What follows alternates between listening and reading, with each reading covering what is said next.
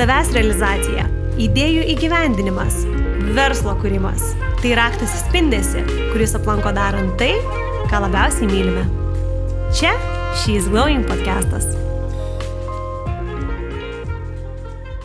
Sveiki atvykę į She's Glowing podcastą. Šiandieną su manimi turinio kuriejai Inidė Jasnauskaitė ir Osvaldas Jonaitis. Sveiki, mėlyjeji, labai smagu netgi du jūs čia šiandieną turėti. Sveika, Dovilė. Labadiena. Ačiū, kad pasikvietei mus į savo podcastą. labai džiaugiuosi ir iš tikrųjų Osvaldas yra pirmasis vyras, kuris yra šīs Glowing podcast'o studijoje, tačiau aš labai džiaugiuosi, nes man asmeniškai jūs esat labai įkvepianti, labai pozityvi, labai kūrybinga pora ir labai smagu, kad šiandien interviu duodate būtent dviese. Na, o dabar norėčiau truputėlį nusikelti atgal ir paklausti, kaip visa tai prasidėjo. Nes dabar mes galim žiūrėti jūsų aktyvę veiklą, daug sekėjų, begalinės idėjas, tačiau kokia buvo visko pradžia?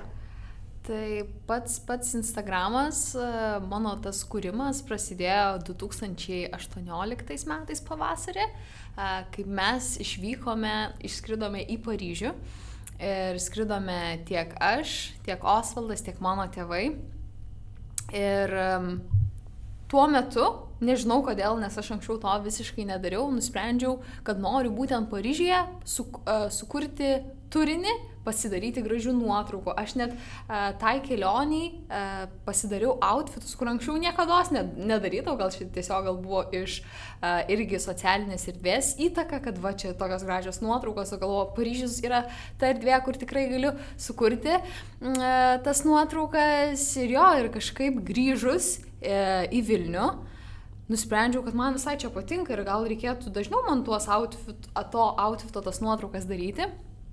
Ir nu, taip ir pradėjau ir įsivažiavau. Kiek tuo metu turėjai sekėjų? Um, nežinau, gal 600 nuo tada, kaip nuo...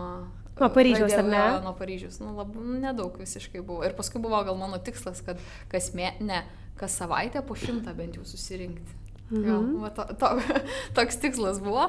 Ir paskui, kai prasidėjo su filmukais viskas, nes da, nu, dabar pas mane gal daugiausiai matomi yra tie filmukai, Reels filmukai, Tai mums labai pagelbėjo COVID, kai atsirado karantinas.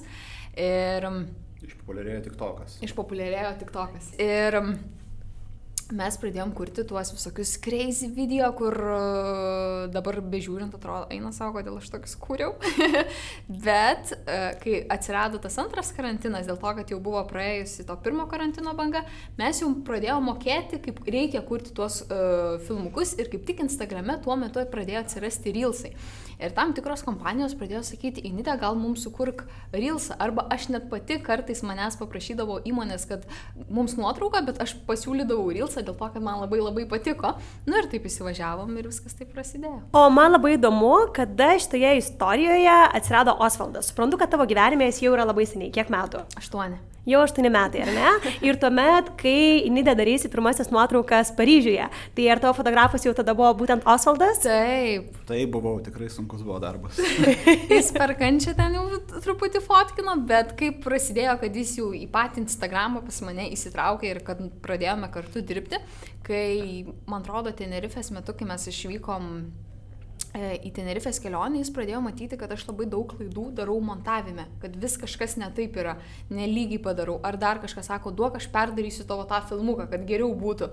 Ir jis iš pradžių pradėjo telefone per InShot programėlę ir paskui perėjo jau į e, patį kompiuterio montavimą visą. Na nu, ir išmoko, jis viską išmoko per YouTube, viską absoliučiai. Nėjo joks kursas.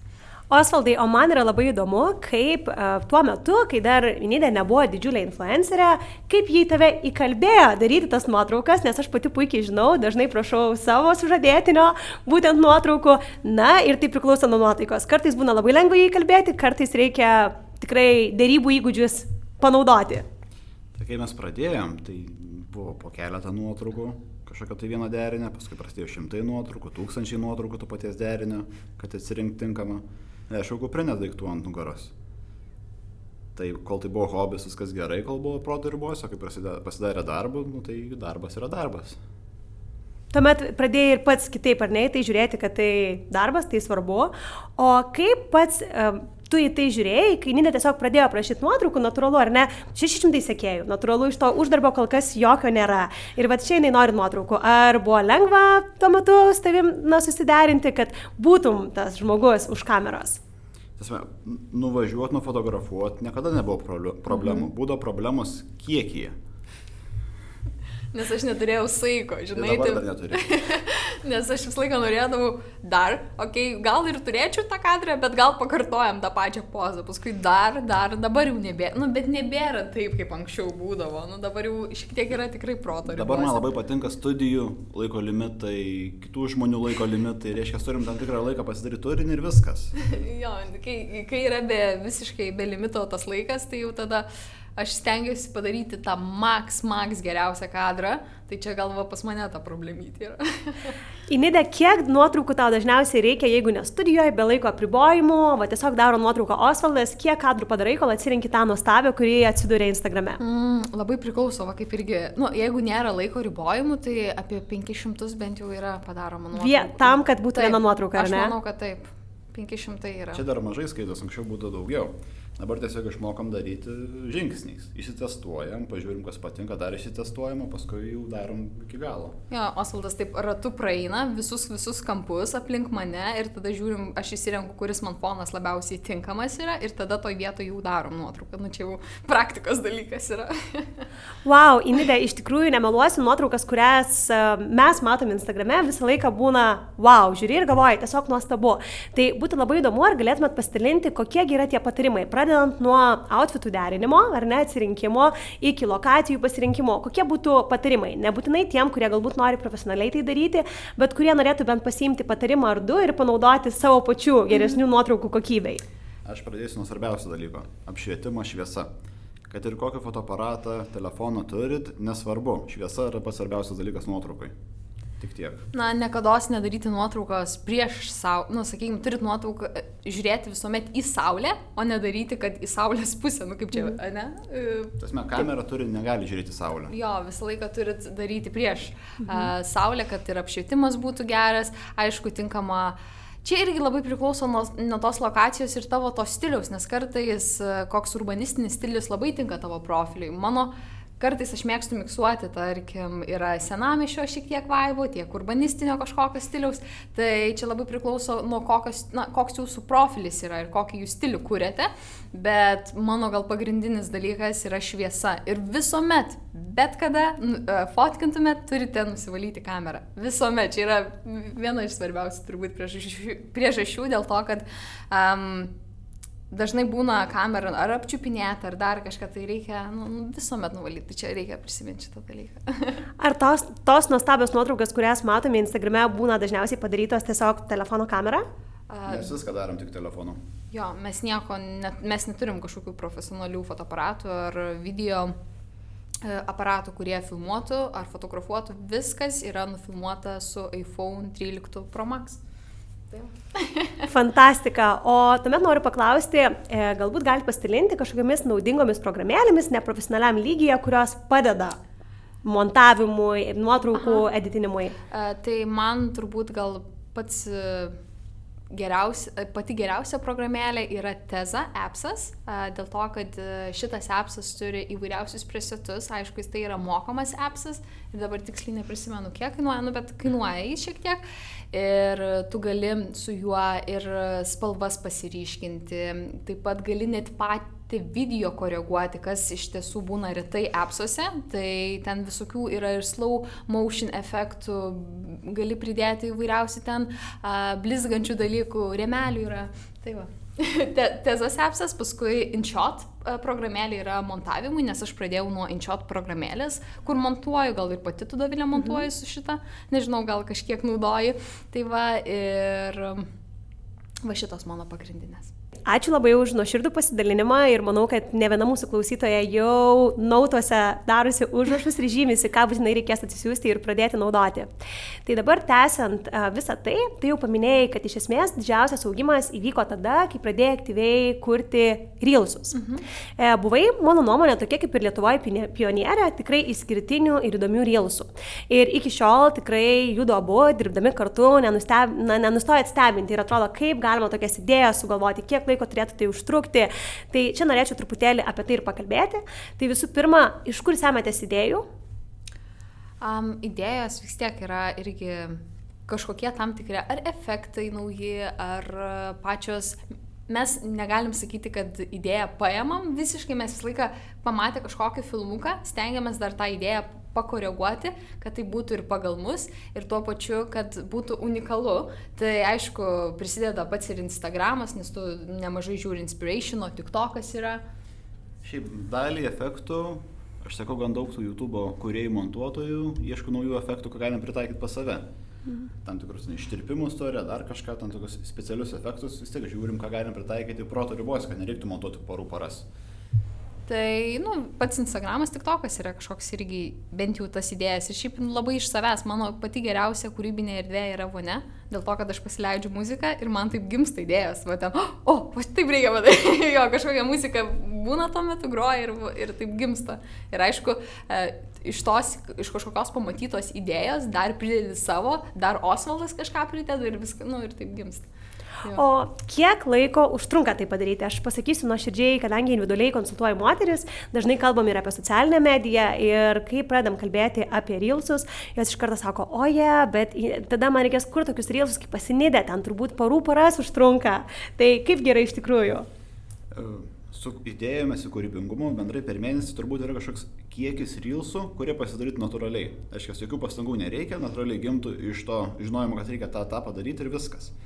Paskui kiekvieną padaryti papildomą daug sudėtingiau yra, nes išsisėmė idėjas, kūrybingumas, nesinori kartotis. Bet ir labai priklauso nuo pačio filmuko idėjas, nes tam tikri filmukai yra sukūriami per valandą laiko, tu gali per mm. pusvalandį nufilmuoti, ten ypač kur yra outfitų persirenginėjimai, ten taip paprasta iš tikrųjų dabar mums aišku filmuoti. Anksčiau gal truputį ilgiau užtrukdavo, bet dabar 30-40 minučių labai trumpai, trunka, man atrodo trumpai. Mm. Bet yra tam tikri filmukai, kur um, reikia kitokių erdvių, tarkim, ten tu vieną dalį filmuko, vieną sceną turi nufilmuoti viešbutyje, kitur ten, pavyzdžiui, trakuose, jodinėjant prie, nu, su žirgu. tai gali jis įsi, nu, išsitęsti net iki penkių dienų, bet aišku, tai nėra ištisa e, para, kur tu ten filmuoji, filmuoji. Ne, tiesiog yra paskirstomi tam tikri laikai toje, toje dienoje ir filmuoji. Tai sakau, labai skirtingai priklauso nuo tavo tos filmuko idėjos ir kokia ta idėja, tiek ir ta to laiko užtrunkė. Kuri iš idėjų, nu, jūsų nufilmuotų filmukų, jums yra ta, kurią labiausiai didžiuojatės? Kažkokia galbūt reklama, kurią filmavote, ar tiesiog sukurtas reelsas, kur patys galvojat, wow, nu, čia tai pasistengiam, čia tai padarėm nerealiai. Apskritai visi mano filmukai, aš kiekvienu savo filmuku didžiuojas. Man kiekvienas filmukas yra kaip koks babys mano, kuriuo tikrai aš visą širdį savo įdedu kiekvieną filmuką. Ir nors gal... Uh, vienas filmukas daugiau jėgų reikalauja, kitas e, mažiau, bet aš visuomet į kiekvieną filmuką maks darbų įdėsiu, e, kiek reikės ir kiek galėsiu, tai man aš nei vieno įskiršiu, nes nu, tikrai stengiamės maks padaryti. Kaip vieni mėgsta pažiūrėti į save veidrodį, dar kartą, dar kartą, mes būnam, einam per savo rylsus ir žiūrim. wow, tas tikrai matosi, nes tikrai akivaizdu, kad, na, kiekvieną kartą žiūrint ir tu galvoji, kaip taip įmanoma, kaip kiekvienos detalės. Ir tikrai nepaslaptis, Nidė ir pati neleisi man sumeluoti, kad Visai nesiniai, prieš kelias savaitės pati tau tiesiog pasižiūrėjus vieną tavo, tavo na, filmuką, jūsų draugė sukurtą filmuką, aš palikau tau balso žinutę ir tiesiog pasakiau, kad Ninė, mano nuomonė, tu darai turinį, manau, profesionaliausiai Lietuvoje. Tai yra įspūdinga, aš žaviuosi ir man atrodo, kad tu visiškai prilyksti pasauliniam, nežinau, žvaigždė matomom Instagrame, tai tikrai yra labai labai nuoširdį mano nuomonė. Ir man yra labai įdomu, kokie yra jūsų ateities tikslai. Ar ir būtų svajonė išeiti daug toliau už Lietuvos ribų, kaip jūs matot šitos veiklos augimą? Mes vis pagalvojam, kad norėtume pradėti ir kažkokius mokymus vesti ar pačius kursus. Osvaldas. Šiaip esam diskutavę ir mokymais, ir kursais, ir visa kita, bet turbūt eis tos kūrybinės nežinau, kūrybinių idėjų generavimo mašinos linkme kažkokios agentūros linkme, kur bus visos kompanijos gairių paruošimai, kampanijų paruošimai, gairės influenceriam paruošimai. Turinio kuriejams jo. Nu, kad e, kaip kūrybinė kažkokia agentūra būtume, kurie generuotų kažkokias idėjas. Tai va, čia mūsų toks ir tikslas yra ir taip, šiaip visai norėtume ir įmonėms pradėti, nes gal ne patiems žmonėms reikėtų, bet įmonėms, kurie irgi kuria ir norėtų savo žmonės apmokinti, ten padaryti net paprastus storius, bet šiek tiek su tokiu cinkeliu, tai ne visi turi tų žinių, tai visai ir didelė šį paklausa, jau ne viena įmonė į mus kreipėsi, kur praš, nu, prašė, kad gal galėtumėt pamokyti, gal kaip čia reikėtų daryti ir visa kita. Tai mums irgi apie šitą idėją vis generuojam, generuojam. O kaip matai tavo pačios Instagram augimą? Ar su juo turėjot kažkokį skaičių, kurį galvo, uh, pasiekčiau jį, tai būčiau labai labai laiminga? Um, aš kažkokio ten va dabar tikslo, va dabar turėti, ši, dabar pas mane yra 65 ar 6 dabar, nežinau tiksliai, bet, na, sėkėjau ir aš neturėjau kažkokio tikslo, va dabar 100 tūkstančių turėsiu ir viskas man pasikeis. Matai, yra labai daug faktorių, kas gali lemti tavo tą augimą. Jeigu aš gal būčiau televizoriuje, kur dažnai būčiau matoma, tada tas ir skaičius būtų gal nedidesnis, nes aš būčiau toks, tokia labiau kaip ir viešas asmuo, mm. mane labiau matytų matytų, nes ir taip pasižiūrėję į tuos top didžiausius influencerius, e, tai beveik visi dirba televizoriuje ir yra matomi. Taip pat, kas pas mane gal toks kaip faktorius, gal stabdo, aš nesu labai skandalinga, neturiu skandalų, kurie, nu, gal man padėtų aukti, bet, nu, aš ne per tą prizmę einu ir...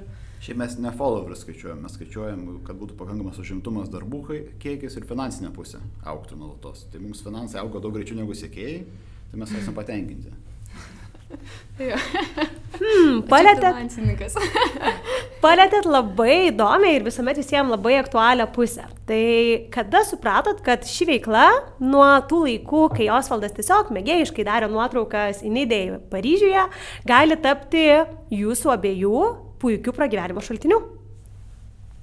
Mm, gal Nidė patikslins laiką, datą, bet mes kalbėjom apie tarp karantino ir karantino metu, kad mes, mes užsimėm dar kitą veiklą, priekybą, dar dabar truputėlį kartais paliečiam, bet kad pamatėm, kad mūsų pajamos iš abiejų sričių susilygino ir Instagramas buvo mažesnė rizika, daugiau potencialų, nuo to, tuomet pradėjom pilno tato būdu varyti. Štai. Šitos, tai aš nežinau, čia gal buvo a, 20 20 metų pabaiga jau taip, kad jau pradėjom pilnai jau užsimti ir galėjom pragyventi tiek aš, tiek Osvaldas ir nu, viską kaip ir leisti. ne viską, bet daugumą savo leisti. Ir tuomet vėlgi lietėte finansus, tai labai būtų įdomu sužinoti, kokias pajamas gali tokia veikla maždaug generuoti, jeigu galite pasidalinti. E, tai konkrečių įkainių nesakysime, jie nuolatos iš tikrųjų kinta pas mus. E, bet anie metai jau buvo tas, kur viršim 100 tūkstančių ribą. Be PVM. Be PVM, plus PVM. o šitie metai jau dabar yra stipriai geresni negu anie metai. Lyginant tą šešių, mė, šešių mėnesių laikotarpį nuo sausio iki birželio. Tai... tai yra puikus įrodymas, kad šios veiklos galima gyventi ir labai gerai galima gyventi. Aš manau, kad taip. taip. Bet čia nereikia įsivaizduoti kažką, tai didžioji dalis uždirba nedaug čia ta kaip ir šou biznis rytis 99 procentų tikrai daug neuždirba, labai gerai nepragyvena ir tik kas save labai gerai sugeba parduoti kitiems ar klientams, turės paklausą pakankamai didelę, tik tie ir gali uždirbti tos didesnius pinigus. Na ir reikia prisiminti, kad mes tikrai labai daug dirbam, labai daug dirbam, kad galėtume dabar gal tais rezultatais pasidžiaugti. Nėra taip, kad čia per naktį gimstama ir tiek uždirbama. Ką tik paminėjote, kad yra iš ties labai daug turinio kuriejų, tačiau tik labai mažas procentas jų na, uždirba tikrai aukštas pajamas iš to. Kaip manot, kokie faktoriai lėmė, kad jūs patekot būtent į tą procentą? Nu, kai mes pradėjome, kai pradėjo, kai Inidė pradėjo šitą veiklą, mes iškart kalbėjom tarpusavį, diskutavom, kokiu keliu norime eiti, nes galim, kaip sakiau, skandalai, būtų kaip tas greičiausias kelias, bet yra tas ir labai daug heito su tuo ateina, tai to nesinori. Tai reiškia sunkių darbų, įdirbių ir visa kita tas pagrindinis šuolis buvo nuo filmukų. Išskirtinumas buvo filmukuose, kadangi nuotraukas padaryti geras gali daug kas, o filmukas buvo tas skiriamasis faktorius, kuris padėjo tikrai stipriai iššokti ir, ir sėkėjų prasme, ir žinomumo prasme, ir finansinė prasme. O dabar į mus kreipiasi tikrai daug įmonių, kurios nori, mes atsisakom. Ir pas mus yra vis laik tas darbų kiekis pakankamas, kad tikrai galim savo leisti rinktis, su kuo labai dirbti, kokius projektus apsimti, mes galim nurodyti savo apimti, kokią norim padaryti projektui. Ir čia nuo tų pačių reklaminių filmukų, nu, nes tu ne, gal nepamini, kad būtent tie reklaminiai filmukai, kur yra sukurti prekiniam ženklams, tad, nu, jie gal šiek tiek yra tokia nestandartinė, ta nes, nestandartinė reklama taip pateikiama. Ir kas mums gal čia ir pasisekė ir dar žinai, kas m, davė kad ir žinomi žmonės pradėjo tavo turiniu dalintis, kad va, pažiūrėkit, čia kūrė, kažkaip tikrai buvo tas atgalinis labai stiprus ryšys iš pačių kitų turinio kūrėjų, kur va, pažiūrėkit, kaip čia kūrė, kaip čia fainai, tai tikrai irgi ir atneša kad gal kitas prekinis ženklas per tą profilį pamato, o čia žiūrėk, visai fainai kūrė, tai va. Vienareikšmiškai yra savo ruoštų, dar norėčiau pridėti kitą savybę, kurios jūs abu nepaminėjot, bet ją pastebėjau aš, tai yra jūsų profesionalumas ir darbo etika. Aš buvau sužavėta net šiandieną, kai ruošėmės į šį podcastą, kuris toks yra ganėtinai neformalus, valandą prieš jūs man parašėt, kad gali būti tikimybė, kad 10 minučių vėluosime, tačiau turbūt pasistengsime ir nevėluosime. Ir aš galvoju, wow, 10 minučių dažniausiai mano svečiai net, na, sakytų, atsiprašau, truputėlį pavėlavau, o čia jūs valandą prieš įspėjote, kad taip gali nutikti. Tai turbūt tai yra vienas dar iš dalykų, ar ne, ką ir partneriai dirbdami su jumis tikrai vertina. Ačiū. Žinokit, ne. Inidė sako ačiū, Osvaldas sako ne. Tai kaipgi yra? E, buvo laikotarpis, kai mes tikrai nesusigebėjom sutvarkyti su savo darbų kiekiu ir mes tikrai daug vėlavom. Bet mes vėlavom, kad nepavokoti nei truputėlį kokybės. Dėl to, kad, nu, kartais uh, tu vėluoji, bet sakai, kad čia vardan geresnio filmuko yra tas vėlavimas. Dėl to, kad ypač kalėdinių laikotarpių tai yra crazy laikotarpis, kai mažai miego, labai daug darbo ir tikrai būdavo, kad ne visuomet mm, pavykdavo įsiterpti tą deadline ir nusikeldavo kampaniją dviem dienom, trim dienom, bet klientas nu, visuomet, kai pamatydavo tą rezultatą, būdavo, nu, gal tada ir pats mintyse turėdavo, kad gal reikia, na gerai, kad palaukiau, gerai, kad palaukiau, nes jis yra vardant to geresnio filmuko. Kiek maždaug reklaminių kampanijų per mėnesį jūs sukūrėte? Čia Osvaldas gali pasakyti, nes aš, jis viską mm. žymisi. Iki birželio pabaigos šiais metais, iki birželio pabaigos šiais metais, man rodos, turėjom apie 60 skirtingų komunikacijų. Wow. Bet tai čia nėra skiri turiniai vieni, tai čia yra komunikacijos, tai reiškia kaip paketas, kaip parduodam. A, nes mes dabar kaip turim uh, Osvaldas tokias, kaip mes visam, visuomet, bet kokiam klientui prieš dirbant kartu nusinčiam savo gairias. Uh, ten yra parašyta, kokiam mes sąlygom dirbam, kokie, ką, mm, kaip čia pasakius. Orientaciniai įkainiai, Orient... sąlygos iš mūsų pusės kaip mes nedirbam, kaip mes dirbam, nu, viską paruošiam, kad jie žinotų, kad, pavyzdžiui, tas turinys, aš norėčiau, kad tu taip sukurtumai, bet jeigu man tai netiks, aš tiesiog nesukursiu ir darysiu pagal savo uh, braižą, nu, kad tas mano turinys, uh, jų uh, reklamai įsiterptų į mano turinį. Man tas yra labai labai svarbu. Fantastika. Labai įdomu, ką jūs, pavyzdžiui, įtraukėte dar. Tai vienas dalyko, ar ne, kad tai būtų kuo labiau natūrali integracija. Kokios dar yra, pavyzdžiui, jūsų tokios keliamos, tarkim, sąlygos? Tai nėra galbūt ultimatumai, bet mes esam gana aiškiai apibrėžę, kad kuo daugiau laisvės, tuo geresni rezultatai. Mhm. Tai reiškia, kad mes nenorim aklai daryti, kad visiškai savo idėjas, bet norim truputėlį abstrakčių inputo iš kliento, kad maždaug tokia tematika, tokias nuotaikas, linksmesnis, liūdnesnis, elegantiškas galbūt, o paskui mes patys pasiūlom porą savo variantų. Tai reiškia, bet mūsų pateikimas. Taip, esam darę kampanijų, kur yra grinai pagal kliento gairias, bet dažniausiai jos netai pasiseka. Jau iš karto galim matos. sakyti jo, kad nebus tokia pasisekusi reklama, vien dėl to, kad nu, tai yra labai jau reklamiškai bus pateikiama, nes jie, aišku, tam tikri klientai nori to, tai mm. aišku, tu negali prieš klientą, nu, bet uh, stengiamės, sakau, daryti labai laisvai, kad uh, tos idėjos būtų tokios labai laisvos. Dėkoju už atsakymą ir tikrai nepaslaptis, kad esate sukaupę labai daug patirties dirbant su įmonėmis. O aš dažnai būnu kitoje barikado pusėje, kai įmonės manęs klausia, Davilė, kaip, na, kuo geriau, sėkmingiau dirbti su influenceriais. Tai vad man labai įdomu dabar iš jūsų pusės išgirsti pagrindinius komentarus ar patarimus, ką jūsų nuomonė įmonės galėtų pradėti daryti ar daryti geriau, norint sėkmingo rezultato dirbant su turinio kuriejais. Tai aš visą komunikaciją vedu laiškais su įmonėm. Būna, inidai parašo, bet aš sakau nukreipti į mane, kad nebūtų per Instagramą. Per, per porą kanalų bendravimo, būtų paprašiau per paštą, jeigu reikės, sakau, kreipsitės tiesiogiai su Inidė arba telefonu pakalbėsit dėl idėjinės nu, pusės. Bendrai labai jaučiasi, kai įmonė yra pasiruošus ar nepasiruošus. ypatingai kai yra maži kuriejai, visiškai smulkus, didesni kuriejai dažniausiai turi kažkokias tai agentūras, kurios atstovauja, bet būna ir tų, kurie visiškai aklai rašo ir net nežino, ko tikėtis. Tai iš įmonė mums geriausia, kad būtų nu, bendri terminai, bendrai kažkokia tai tematika idėja, kad būtų kažkas konkretumo, kad nebūtų visiškai viskas iš oro, iš mūsų pusės. Tai reiškia, kuo daugiau įmonė mūsų nurodys informacijos, ko jie maždaug nori, bet nu, nebus griežto reikalavimo, kad būtent to nori, tai nebus aprašęs scenarius visas. Mhm. Tuo yra geriau. Jeigu visiškai aklai duoda padaryti bet ką, tai gali būti irgi klientas nepatenkintas, nu, mums gal porą atvejų yra kažkas buvę panašaus, bet nu, nepilnai, nes jie pas savo minčių vis nepertikė. Bet blogiausia yra, kai visiškai nepasiruošęs e, kuriejas, maža įmonė, ypatingai mažesnės įmonės, kai net nesivizuoja biudžetų, nesivizuoja, ko nori, nesivizuoja atsiperkamumo. Nes mes žinom savo atsiperkamumą klientams tam tikriem, kur yra labai labai didelis ir žinom, kad kitiems gali būti daug mažesnis, jeigu yra iš savo pusės nepasiruošę truputėlį. Ar ten kainų nesuderinę, ar ten patikimo iš savo pusės neparuošę. Mes savo reklamą visą stengiamės gerai padaryti. A, gerai, super. O tada ką jūs patartumėt turinio kuriejam, kurie svajoja na, gal nebūtinai būti tame viename procente sėkmingiausių, tačiau turėti, nežinau, sėkmingą veiklą ar tiesiog pakelti savo kartelę. Tai um, koks mano gal būtų patarimas tenktis būti unikaliems.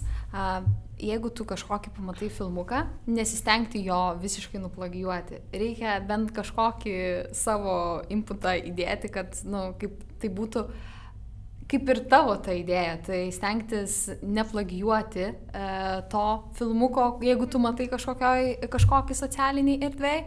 Um, stengtis daryti kokybiškai, aš vis tiek manau, kad kokybė man, na, nu, čia gal mano požiūrį man yra pati aukščiausia ir man nesvarbu, kiek pinigų, man svarbiausia yra kokybiškai e, padaryti tą filmuką. Tai aišku, pradžioje tu negali gal visiškai mm, padaryti to turinio kokybiškai, dėl to, kad tu ir neturi tiek investicijų, finansų, kad galėtum tą leisti, bet stengtis bent jau minimaliai, ką tau leidžia, kad ten, var, ten tu kai filmuoji, kad ten kažkokią aplinką patvarkyti, kad nu gražiai atrodytų, nes nu ir man pati, pats estetikos suvokimas irgi yra svarbus tame filmuke ar pačioj nuotraukoje.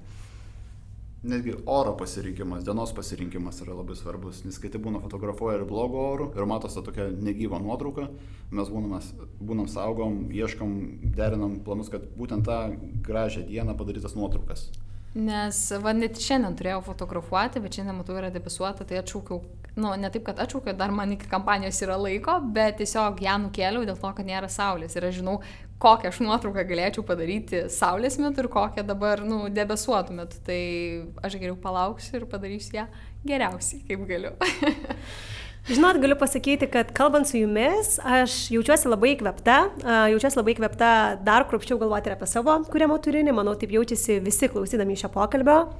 Ir vienareikšmiškai, manau, tai tikrai padeda suprasti, kaip yra svarbu, kad, na, nesvarbu, kokią profesiją tu pasirinksi, nesvarbu, kokią kelią pasirinksi, bet svarbiausias dalykas yra daryti, stengtis daryti tai geriausiai, kiek tik įmanoma.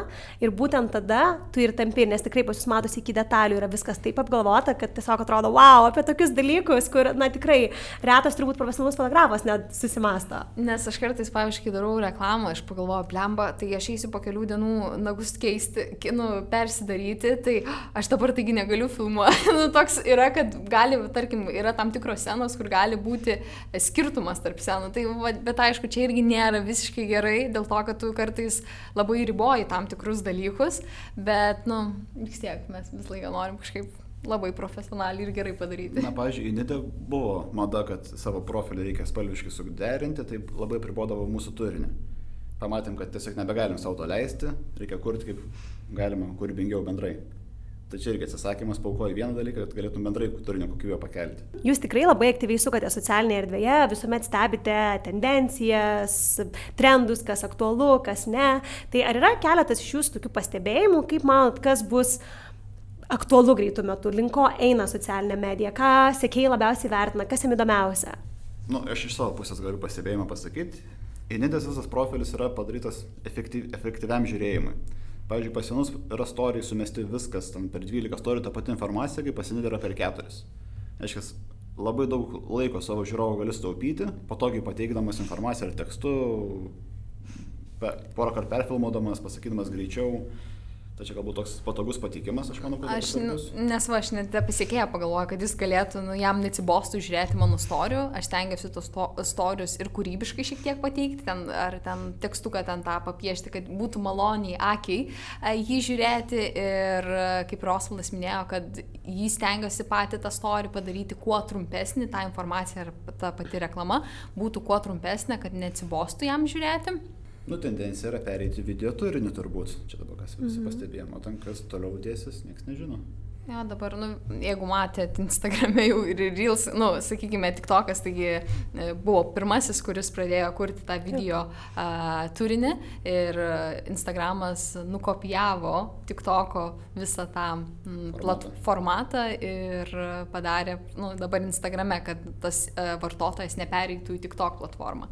Tai manau, kad e, Reels e, filmukai dabar tikrai, nu, Liks labai aktualus, ar ne? Taip, ir gal net ir tu sakei, kad tie fotografai, net atsimeni, sk- skundėsi kažkokiose forumuose, kad um, įsitraukimas uh, nuotraukų, uh, nuotraukų nebėra toks kaip į Reels filmukų. Fantastika. Ačiū Jums. Tikrai labai daug naudingų išvalgų. Nebejoju, kad ir pati norėsiu jau perklausyti šį interviu, nes tiek daug naudingų patarimų. Ir dabar norėčiau truputėlį pakeisti temą, nes net ir į šį interviu, ar ne, jūs sakinėjate drauge, jūs kalbat kartu, papildot vienas kitą ir akivaizdu, kad esate tikrai labai gerai susidirbę. Ir praleidžiat kartu, kiek, 24 valandas per parą? Beveik. Kaip sekasi suderinti darbus ir santykius? Visko būna, pas mus yra, žinai, periodiški persidirbimai, kad e, kai tu jau pervargsti, tada atrodo, nebegali žiūrėti tą žmogų. ir reikia, atrodo, bent jau kelioms valandoms truputį išeiti iš namų. Tai vienas arba aš dažniau gal net išeinu, e, aplinką pakeičiu, kad va šiandien nenamie noriu dirbti, nes mes neturim ofisiuko kažkokio, gal irgi pagalvojame apie šitą, kad pakeisti bent jau kažkokią namų aplinką ir geriau, kad geriau dirbtųsi. E, Bet um, visko būna, būna ir pykčiai, ypač tada, kai mes persidirbam ir um, vienas ant kito tada kažkaip uh, pykstam, būnam nepatenkinti, o s- gal tokios namie būties pas mus nebėra, nes um, aštuoni metai vis tiek tu jau pripranti prie to, kas, ar ten kažkokie indai neišplauti, ar dar kažką, ten nebepykstančių tų dalykų. Pas mus dabar dažniausiai pyk, e, pykčiai vyksta dėl visų filmukų, nesutarimai, uh, jis turi kažkokią vieną idėją, aš turiu kažkokią kitą idėją, sakau, man nepatinka tavo idėja, jam nepatinka mano idėja, tai va taip ir dar kai tu būni pervargęs, tada iš viso jau. nu, Labai teisingai pasakė. Ar turite kažkokių rutinų ar įpročių, kada, na, sako, kad viskas, dabar mes esam nebe kolegos, mes esam pora. Tai dabar pradėjome į pasimatymus vaikščioti, nes šitą dalyką buvom pamiršę, aš apskritai esu tokia darboholikė, tai Osaldas pas mus yra toks truputį gal stabdęs, okei, okay, gal biški nurimk ir kažką gal kitą paveikėm, ne tik ten filmuojam ar dar ką, tai pas mus Osaldas šiek tiek primena, kad mes taigi ir dar pora esame, Ir žmonės esame. kurie turi ilsėtis. Ką tame darot, kaip atrodo jūsų pasimatymai, ar tiesiog romantiškai keliaujate į vakarienę, ar labiau mėgstate aktyvų laiką drauge? Kiek mes dabar buvom, mes tik vienam pasimatėme. Nu, tai dabar tik mes pradėjom šitą dalyką, nes aš, kaip pasakau, kai per darbus aš kartais pamirštu, kad aš dar ir gyventi turiu. Tai jo, tai tikrai stengiamės dabar va, į tą patį restoraną, išeinam su draugais į kažkokią ar patį filmą, ar taip kažkokią pramogą praleidžiam. Kartais net va su kažkokiam įmonėm suderinam kažką, kad bent jau išeit, bet reklamos nereiktų daryti. Jūs esat kartu ir darbe, ir gyvenime. Ar tada, kai prisėdot ir nutarėt, kad viskas, mes dirbsim kartu, tai taps mūsų pagrindinė veikla, ar nebuvo nemenkiausios baimės, kad, oje, o jeigu netyčia santykiai baigtųsi, tai realiai būtų ir veiklo, na, veiklai didžiulis iššūkis, ar ne, toks sukretimas. Ar esat tiek metų kartu, kad tai buvo visiškai natūralus sprendimas ir jokių baimių ir dėjonių? Aš tai net neturėjau, aš apskritai dabar atrodo, kad mūsų, uh, nu, kad išsiskirtume mes, nu, taip net nėra, bu, nu, aš net minties tokios neturiu, aš Vau. atrodo, kad visą laiką būsiu su šituo žmogumi. Tarsi, kuo toliau, tuo geriau. Iš tikrųjų, kuo toliau, atrodo, mes dabar esame 8 metus, bet tie santykiai, va dabar, dabar galėčiau teikti, per tuos 8 metus yra patys gražiausi. Nu, Vau. tikrai. Ta prasme, atrodo, ir at- atsirado ir toler, nu, tolerancija. Mm, pakantumas ir susi, a, susigyvenom su tom kažkokiais trūkumais, kur anksčiau ten gal tu žvelgdavai tuos trūkumus, dabar tau, ai, nu tai yra kaip yra, tai aš tokį žmogų pasirinkau. Wow, nerealu, visiškai nerealu. Tai tikrai labai įkvepianti, įkvepiantis pasidalinimas ir man įdomu, ar galėtumėt išvelgti kažkokias tendencijas ar paslaptis, kodėl taip įvyko, ar tai tiesiog buvo susidirbimas, ar kažkas, ką jūs galbūt buvo laikotarpis, kai teko dirbti ties to, mokytis, ar viskas buvo labai natūralu. Kai mes pradėjome santykius, mes iškart kalbėjome apie pasitikėjimą. Tarkim, kad Inidė galėtų kažkur išeiti vakare, nu man nebus niekada nerimas, kad kažkas tai kažkur nueis į šoną. Ir atvirkščiai, nu aš, aš nelabai vaikštų kažkur. ir iš finansinės pusės mes pradėjome bendrus finansus, nu nebuvo niekada kažkokio tai įtarimų, dar kažką tai, kad nu, mes vis tiek viską dalinamės bendrai, viską darom kartu, visiškas pasitikėjimas, netgi kažkas jau nutiktų, išsiskirtume. Mes žinom, kad mes sažiningai viską dalinsimės per pusę ir viskas. Mūsų finansinis požiūris yra labai labai panašus, sakykime, tai mes gal dėl to, dėl to tų problemų kažkokių tokių neturėjom, nes, nu, mes net pradėjom, mes dabar aš kai Vilniui gyvenu penkis metus, tai kai mes pradėjom gyventi Vilniui, mūsų iš karto finansai buvo, kaip sakant, sujungti. Tai buvo toks tarpinis variantas, paskui pilnai sujungti. Jo, nes mes ir kartu dirbom ir anksčiau. Nu, net ne Instagramo liečiant, ten, kur priekybą užsiminėjom, tai mes jau tuo metu dirbom kartu, mes niekada nedirbom atskirai, nu, nebent kai nedraugavom. Fantastika, tikrai klausantis jūsų, tiesiog yra gera širdyje matyti, kad atradus tą savo tinkamą žmogų, regis tikrai galima būti tokia nuostabia komanda ne tik asmeniam gyvenime, bet ir darbe. Tai labai dėkoju už tai. Na ir taip pat dar noriu paliesti kitą temą, tiesiog labai nuoširdžiai, Nidė, čia jau tau užduoti klausimą. Žmonės, kuriem nepatinka socialinė erdvė, dažnai paminė vieną priežastį tokią tikrai, na, dažnai girdimą, kad jiems nepatinka tai, kad socialinė erdvė priverčia na, konkuruoti vienas su kitu ir galbūt žiūrint į kitų gyvenimą galvoti, wow, jie taip gyvena, kodėl aš to neturiu ir panašiai, ir kaip aš esu minėjusi, ar ne, jokiais esu sakysi, kad mes esame linkę žiūrėdami į kitų žmonių gyvenimą, dažnai galbūt susirinkti, ar ne, tas žmogus atostagauja, tas žmogus turi nerealų verslą, tas turėjo nerealias vestuves, mes viską sujungiam kartu ir mes norim savo gyvenime turėti visus tas gražiausius dalykus, kuriuos matom pas kitus žmonės. Tai man yra įdomu, ar tokio jausmo socialinėje erdvėje neturi tu. Aišku, kad turiu ir kartais, jeigu dar būna mano pati mm, psichologinė būsena prastesnė, e, tai tada viską matai ir tada kodėl aš to neturiu, kodėl kitas tą turi, arba ta gal, bet tada matai, ta gal ta, tada turėčiau daugiau dirbti, kad tą turėčiau ir žinai, kas yra dar um, Instagram'e mes pateikėme viską, kaip mes patys norime matyti ir mes iš tikrųjų net nežinom, kaip tam, ar tas žmogus iš viso yra laimingas. Tai nereikia apsigauti šitoj vietoj dėl to, kad tikrai pažįstu nemažai žmonių, kurie Instagrame atrodo, wow, tokį fantastinį gyvenimą gyvena ir pinigų turi, ir šeimą turi, bet realybėje jie nu, nėra laimingi ir turi labai tokių stiprių psichologinių problemų. Tai nereikia apsigauti ir reikia prisiminti, kad ir padėkoti, kad tu turi dabar tą, ką turi, o jeigu nori daugiau, reikia dirbti.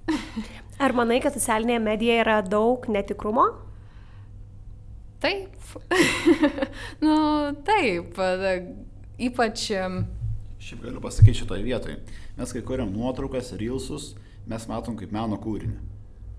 Gali interpretuoti kaip nori, tai reklama, visa kita, bet vis tiek yra kaip meno kūrinys. Storiuose parodo daugiau realūs gyvenimo. Reiškia, parodo ir užkulisi, parodo, kad ir būni pavargęs ir visą kitą, viską parodai. Bet tu irgi pasirenki, ką tu nori parodyti. Ten, tarkim, tu pykstėsi su Osvaldu, nu, tu nerodysi, kaip tu ten pykstėsi ar dar kažką. Tai tu irgi pasirenki, ką tu nori parodyti, bet kad yra to netikrumo, tai tikrai jo, čia yra. Ir o... reikia prisiminti, kad ką matome Instagrame, ne viskas yra tiesa. O kokie būna tavo žingsniai, kai pajauti, kad, na, viduje pradeda kažkas lik ir deginti, kad galbūt, nežinau, žiūri į kitą, pavyzdžiui, turinio kurie ir galvoja, jinai net nekuria tokio kokybiško turinio kaip aš, bet, pavyzdžiui, turi tris kartus ar penkis kartus daugiau sekėjų, įsitraukimo ir visa kita. Ką tuomet darai? Ne tik kokybė yra faktorius tavo sėkmės Instagrame, tarkim. Yra laikas, tas timingas, kokybė, žinomumas, charizma, visa kita.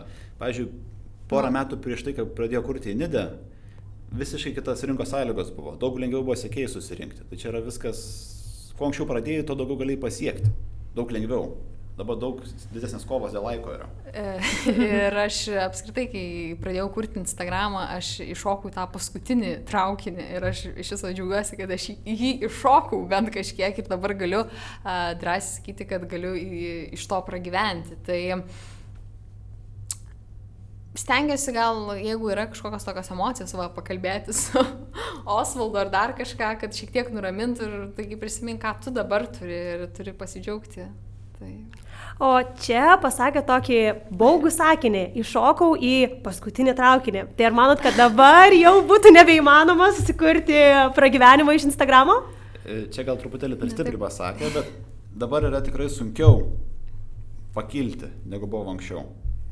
Um, nes aš kai jau pradėjau kurti turinį, tais 18 metais buvo labai daug turinio kuriejų, kurie jau kūrė ir buvo gan stipriai iš, nu, iššokę ir turėjo žymiai didesnį ten tą sėkėjų skaičių. Dabar irgi Yra ir Instagram'e pavyzdžių, net jeigu, nežinau, ar žiūri tik tok ar ne, bet pavyzdžiui buvo viena mm, tokia mergina, kuri ten padarė kolebą su viena mergina ir ji dabar yra garsiausia tik tokerė, žinai. Tai čia karantino laikotarpiu, mm. tai čia prieš du metus ir ta Charlie yra pati dabar garsiausia. Tai va, tai čia labai priklauso, kaip tu tą turinį kursi, gali ir pasisekti, gali ir nepasisekti, tai reikia atsirinkti.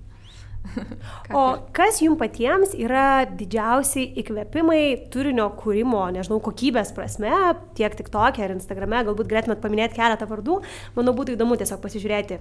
Aš iš tikrųjų, kai žiūriu Instagramą, man labai patinka žiūrėti pačią Explore. Um, pusę, aš nežinau, tas puslapį taip, ne, kaip... Explore puslapį. Jo, pusla, Explore puslapį. Dėl to, kad aš kažkokių dabar šiuo metu uh, Uh, vis yra tam tikrų gal ten profilių, kaip Leoni, kaip man patinka pati jos mados uh, suvokimas, patinka į spalvas tas iškės pažiūrėti, nors jie anksčiau truputį turinį kūrė.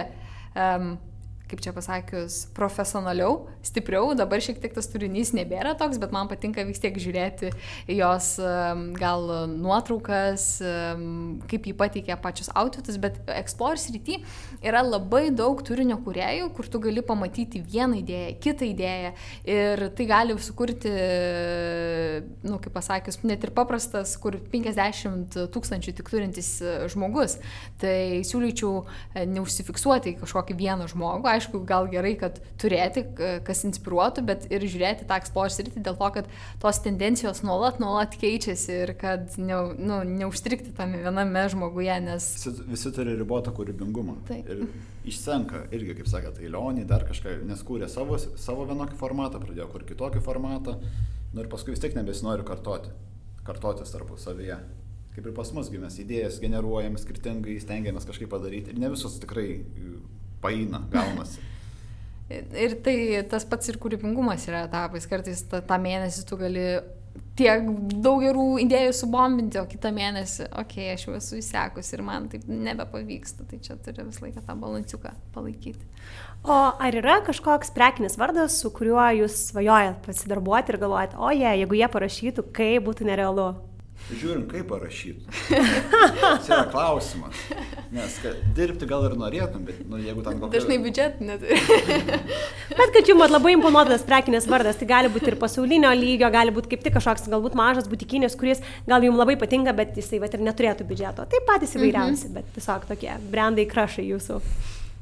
Uh, nu, nedepasakys savo, bet aš žiūriu iš tos perspektyvos. Jeigu dirbti nemokamai, tai yra, nėra vertinama, nesijauti vertinamas. Bet jeigu to pasiūlo kažkokią kampaniją sudalyvauti ir nu, tai už tai sumokės, nu, tai taip, galbūt tokiu formatu kažkokia tai yra kraštas, bet turiu pasakyti kas. Aišku, pas mane yra svajonė, kad mano tas turinys eitų labiau link mados pusės, nes vis tiek aš pradėjau turinį su mados e, turinio tuo visų kūrimu ir man patinka mada ir aš domiuosi, tai visai faina būtų kokiuose ir pra, Prada pareklamuoti, ir Chanel, ar uh, Gucci ir visus tuos visus vardinius, kur ir galėtum ir mados savaitėse dalyvauti dalyvauti ir visa kita. Tai kad mano tas turinys labiau gal eitų į tą fashion sritį.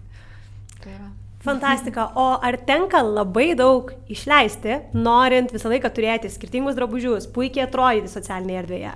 Nes vis dėlto tai yra svarbu, ar ne? Tai yra vizualinis turinys ir... Kad išleisti daug, aš nepasakyčiau, kad visim, visiems šitiems dalykams, nes dabar anksčiau taip buvo žymiai daugiau išleidžiama, dabar yra taip, kad su tam tikrais prekiniais ženklais pavyksta susitarti, kad tu ten fotosesijos metu ar a, pasiskolini tą dalyką, parodai.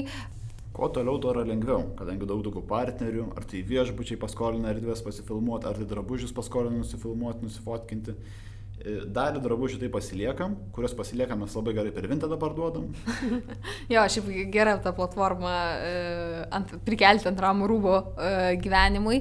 Ir sakau, kažkaip pas mus yra tam tikri prekiniai ženklai, kurie linkia ir paskolinti, kad nu, neišnaudoti to daikto ir mes tikrai, nu, nepasakyčiau, kad tikrai daug išleidžiama, dabar būtui išleidom.